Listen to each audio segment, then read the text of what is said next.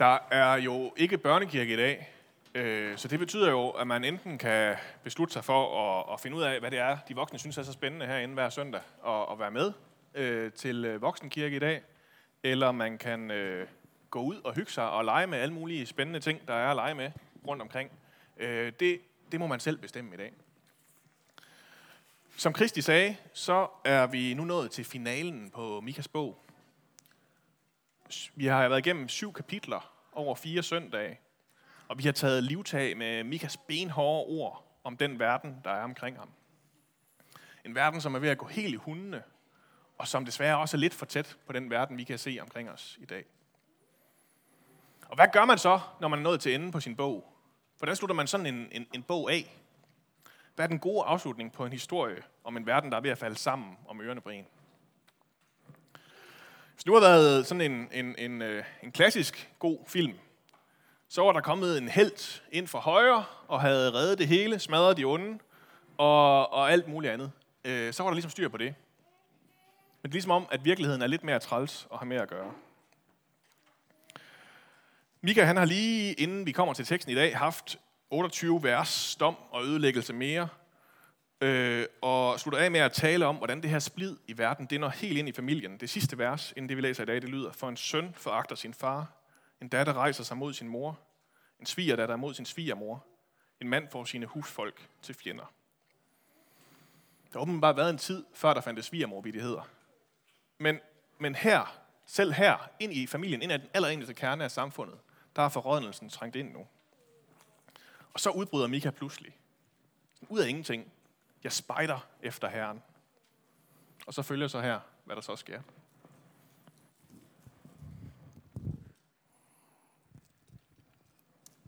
Ja, og det er Mikas bog, kapitel 7, vers 7 til 20. Jeg spejder efter Herren. Jeg venter på min frelses Gud. Min Gud vil høre mig. Du skal ikke glæde dig over mig, fjende, for jeg faldt, men jeg rejser mig igen. Jeg bor i mørke, men Herren er mit lys. Jeg har syndet mod Herren og må bære hans vrede, indtil han har ført min sag og skaffet mig ret. Han vil lede mig ud i lyset, så jeg ser hans retfærdighed. Min fjende skal se det og dækkes af skam. Hun som sagde til mig, hvor er Herren din Gud? Mine øjne skal fryde sig over hende, når hun bliver trampet ned som gadeskaren. Den dag kommer, da dine gærer bygges op. Den dag, da dine gærer udvides. Den dag, da de kommer til dig fra Assyriens og Ægyptens byer. Ja, fra Ægypten til Øfrat, fra hav til hav og fra bjerg til bjerg.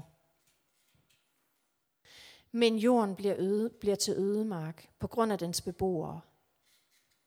Det er frugten af deres gerninger. Vogt dit folk med staven. De får du ejer. Dem, som bor alene i skoven, midt i frugthaven. De skal græsse i Bashan og Gilead, som i fortidens dage. Lad os se under, som dengang du drog ud af Ægypten.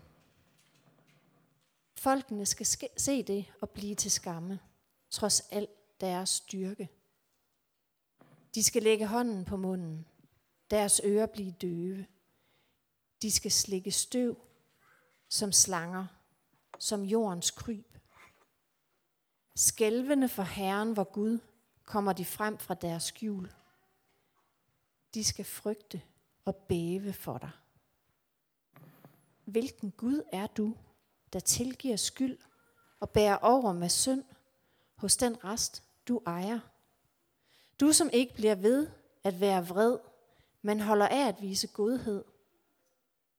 Han viser os atter barmhjertighed og træder al vores skyld under fode. Du kaster alle vores synder i havets dyb. Du viser troskab mod Jakob og trofast mod Abraham, sådan som du tilsvor vore fædre i gamle dage. Amen.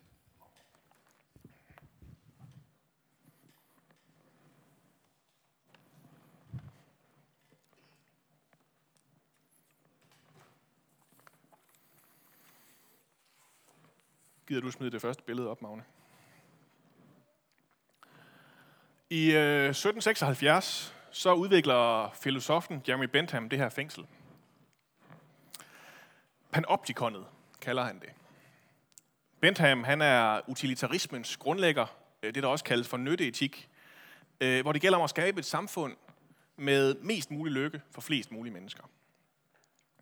Og derfor, når man ligesom har arbejdet alt andet igennem, så når han på et tidspunkt også til at tænke, vi skal også have styr på fængslerne. Så han har en egentlig meget sympatisk idé om, at fængsel, det nødvendigvis ikke bare skal handle om straf for mennesker. Det skal også handle om genopretning. Forbrydere de skal komme i fængsel, for at de kan komme ud igen på den anden side som bedre borgere, så deres forarmede sjæle de endelig igen kan blive til gode, almennyttige mønsterborgere. Og hvordan gør man så det? Bare rolig. Det har Bentham luret for os. For det første, så er man nødt til lige at sætte dem i isolationsfængsel. I sådan et lille stykke tid. Bare så de kan få lidt tid til at tænke over deres forbrydelser, og på den måde ligesom få renset ud i sindet, så de kan komme ud, inden de sådan skal ud blandt mennesker igen. Det er bare sådan et til to år, vi snakker. Og når de således har fået renset deres sind for de her forbryderiske tanker, så bliver de endelig lukket ud i det her panoptikon.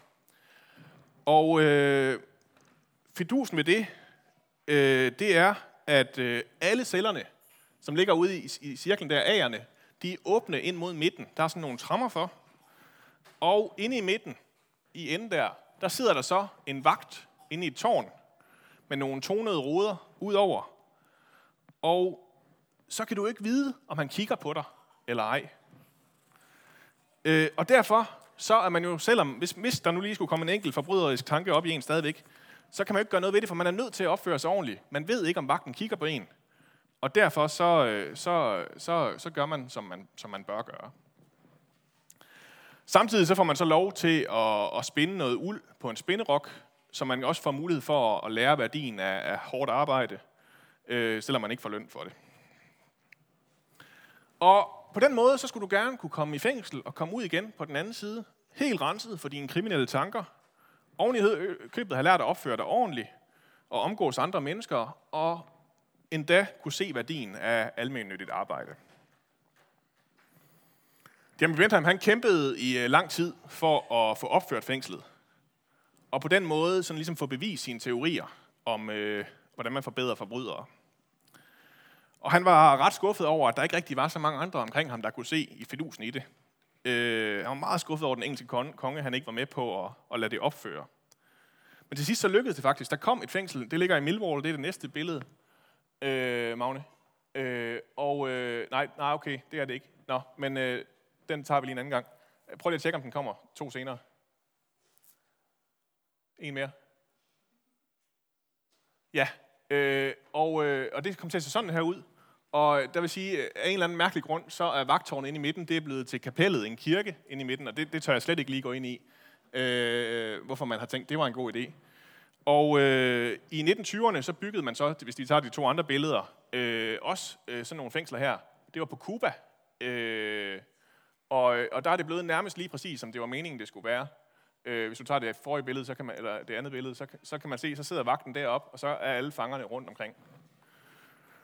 Øh, Fidel Castro, han sad der, men der var det sådan blevet lidt for overfyldt, til det helt virkede efter konceptet. Øh, ja, rundt omkring er der også sådan lavet, lavet fængsler, der minder om, og sådan har prøvet at stjæle lidt, fordi at det er jo, jo faktisk en ret god idé at spare noget vagtmandskab på den her måde. Det lyder jo fuldstændig forfærdeligt at komme i fængsel på den her måde. I dag kan vi godt se, at det er uden nogen som helst respekt for basale menneskerettigheder.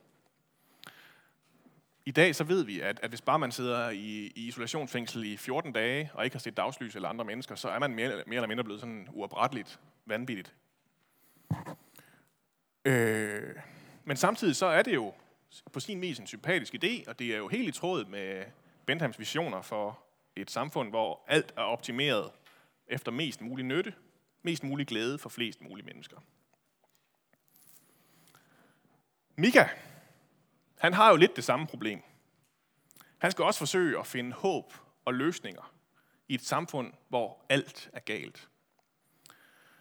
Og undervejs så har jeg da tænkt, når vi har siddet og arbejdet med, hvordan de her tekster de ser ud i dag, at hvis vi bare havde strengere straffe for økonomisk kriminalitet, så var vi ligesom langt, eller sådan, så, så var der noget, der var løst her. Så havde vi fået ryddet ud i korruptionen i vores samfund. Øh, Mika han vælger en anden vej. Pludselig så handler det om ham selv i stedet for. For den frelsesgud, som han har spejdet efter og ventet på, han kommer lige pludselig. Og han har en helt anden plan, end han har regnet med. En plan, som først og fremmest handler om det menneske, som står lige foran ham. For det menneske, Mika selv, det er nemlig også faldet. Det er også trukket ned i alt det lort, som samfundet omkring ham er fyldt af. Han er lige så syndig selv, som alle de andre mennesker, han fordømmer.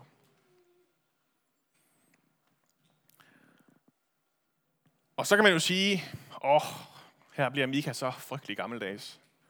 Skal vi nu til at handle om synd igen? Kan vi ikke afskaffe det antikvariske syndsbegreb? Hvordan kan vi holde fast i et koncept, som har knust og skræmt så mange mennesker? Er det ikke på tide, at vi kommer videre og begynder at leve vores liv uden en masse skyld og skam? Sådan er der mange, der vil sige, men det er bare som om, at det ikke rigtig virker. At lige meget hvor lidt vi snakker om synd og skyld, så er den der stadigvæk. Så bliver vi stadigvæk ved med at såre andre mennesker. Ved med at såre os selv. Og panoptikonet, det er desværre sådan lidt for tæt på vores virkelighed på en eller anden måde. Vi går rundt og, og, og lever i den her verden, hvor vi forestiller os, at der hele tiden er et kamera på. Og verden hele tiden ser alt, hvad vi gør, og vi hele tiden skal gøre alting perfekt og godt og rigtigt. Og øh, så er det fedt, når kameraet ser, når det faktisk lykkes, men det er ligesom om, at kameraet det ser også, når det så alligevel går galt før eller siden. Og hvad gør man så? Emnet det kom for eksempel på banen den anden dag, da Stephen Colbert han havde komikeren øh, Jim Gaffigan i studiet i hans talkshow.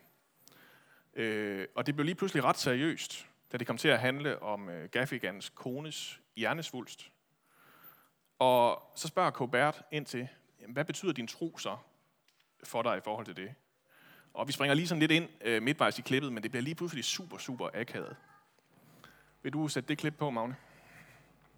No, she talks about uh, her faith a lot in the book, and I just get nervous, and which is why you bring it up. What do you mean you get nervous? I get nervous because it's you know my it's it's imperfect my my uh, faith. You know, Oh, I- unlike mine, which is no, well, you know what I mean. absolutely Well, I think that solid people, gold, baby. No, but I think that people assume like he admitted he believed in God, so he has to be perfect, and that's not the case. You know, I need to believe that that there is some greater power that is forgiving me for being the monster I am. Uh, We have to take a break, but we're right back with more Jim Gaffigan. You'll see him like you've never seen him before. It's quite disturbing. I need someone to, for, to be there to forgive me for being the monster that I am. Det er Gaffigans konklusion. Der er nogen, der er nødt til at tilgive mig for det monster, jeg er. Og på samme måde så er det med Mika. Efter at have råbt og skrejet over Israels sønder i seks kapitler, så når han pludselig til sig selv til sidst.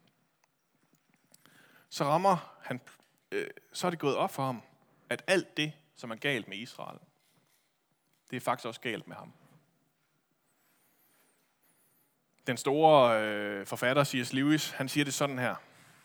No man knows how bad he is, till he has tried very hard to be good. Ingen ved, hvor, hvor ond han er, indtil han har prøvet rigtig, rigtig hårdt på at være god. Når man først har forsøgt, når man først har kæmpet benfort for aldrig at gøre noget forkert igen og sige, nu skal det være slut, og så på et eller andet tidspunkt selvfølgelig har fejlet grusomt før eller siden, så knækker man fuldstændig. Og hvad gør man så? Beklager Tour de Force i dag, men nu skal vi simpelthen lige til den polske Nobelpristager Czeslaw Milosz. Fordi det spurgte han sig selv om, og skrev et digt om det. Øh, vil du sætte det på skærmen, Magne? Det lyder sådan her. We wanted to confess our sins, but there were no takers. Why clouds, clouds refused to accept them, and the wind was too busy visiting sea after sea. We did not, not succeed in interesting the animals.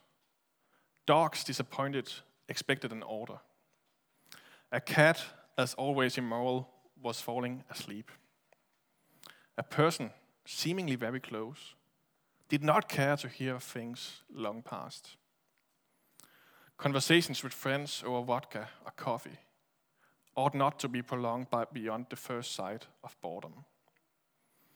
It would be humiliating to pay by the hour a man with a diploma just for listening. Churches, perhaps churches, but to confess their what?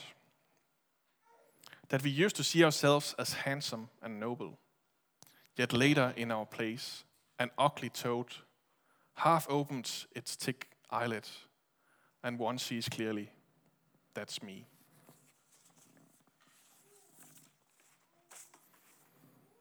Så her står Seslav, hvis jeg siger det rigtigt, altså foran kirken. Der er ikke andre steder, han kan gå hen. Han har prøvet det andet. Naturen gider ikke høre ham tale. Hans venner gider heller ikke. Dyrene har for travlt. Det er alt for ydmygende at gå til psykolog. En, der bliver betalt for at lytte. Og så står han der foran kirken. Men hvad er det egentlig, man så siger? Hvad er det så, man er nødt til at indrømme? Man er så nødt til at vise sit eget grimme ansigt.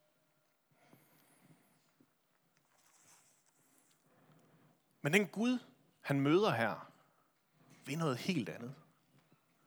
Han står ikke bare og siger, ja, hvor er du grim. Her er en fængselscelle til dig. To år i isolation.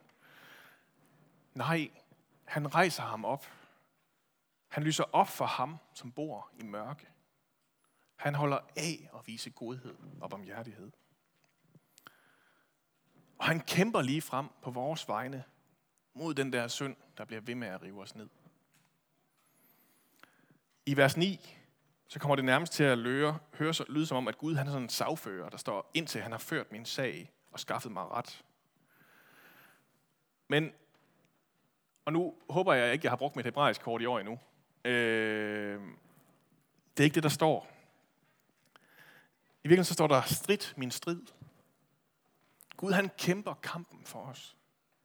Han har kæmpet den så hårdt, at han er død af det. På den måde så har han vundet kampen. Så har han kastet al synden så langt væk, ned på havets dyb, så vi aldrig behøver at være i tvivl om, at vi er retfærdige og har Gud i ryggen. Gud han har vundet kampen.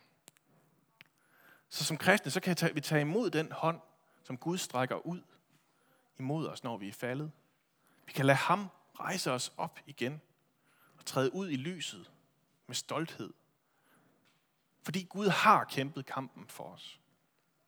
Vundet over alt det, alle dem, som ellers ville stå der og grine af os, håne os derude.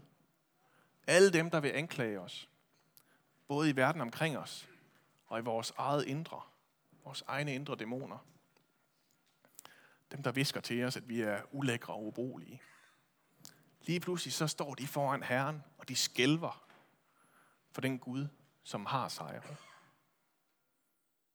For selvom vi gerne vil gøre Gud til alt muligt andet, så har vi en Gud, som holder af at vise godhed, som holder af at vise barmhjertighed, og som bærer over med synd og holder, hvad han har lovet. Skal vi bede sammen? Jeg læser lige øh, de sidste vers i Mika først. Hvilken Gud er som du, der tilgiver skyld og bærer over med synd hos den rest, du ejer. Du som ikke bliver ved med at være vred, men holder af at vise godhed. Han viser os adab om hjertighed og træder al vores skyld under fodet. Du kaster alle vores sønder i havets dyb. Du viser troskab mod Jakob og trofasthed mod Abraham. Sådan som du tilsvor vores fædre i gamle dage. Gud, tak for det. Tak for din godhed og din barmhjertighed. Tak fordi du har kastet vores synd langt væk. Du har trampet den så langt ned i havets dyb, at vi aldrig skal smides den i hovedet igen. Og jeg beder bare om, at det må trænge ind i hjertet på hver en af os, der sidder herinde i dag. At vi virkelig må forstå, at vi er tilgivet. At vi lever i din nåde, i dit lys. At du har hævet os op af dønnet. Ja. Må det bare sænke sig over os nu under lovsangen. Amen.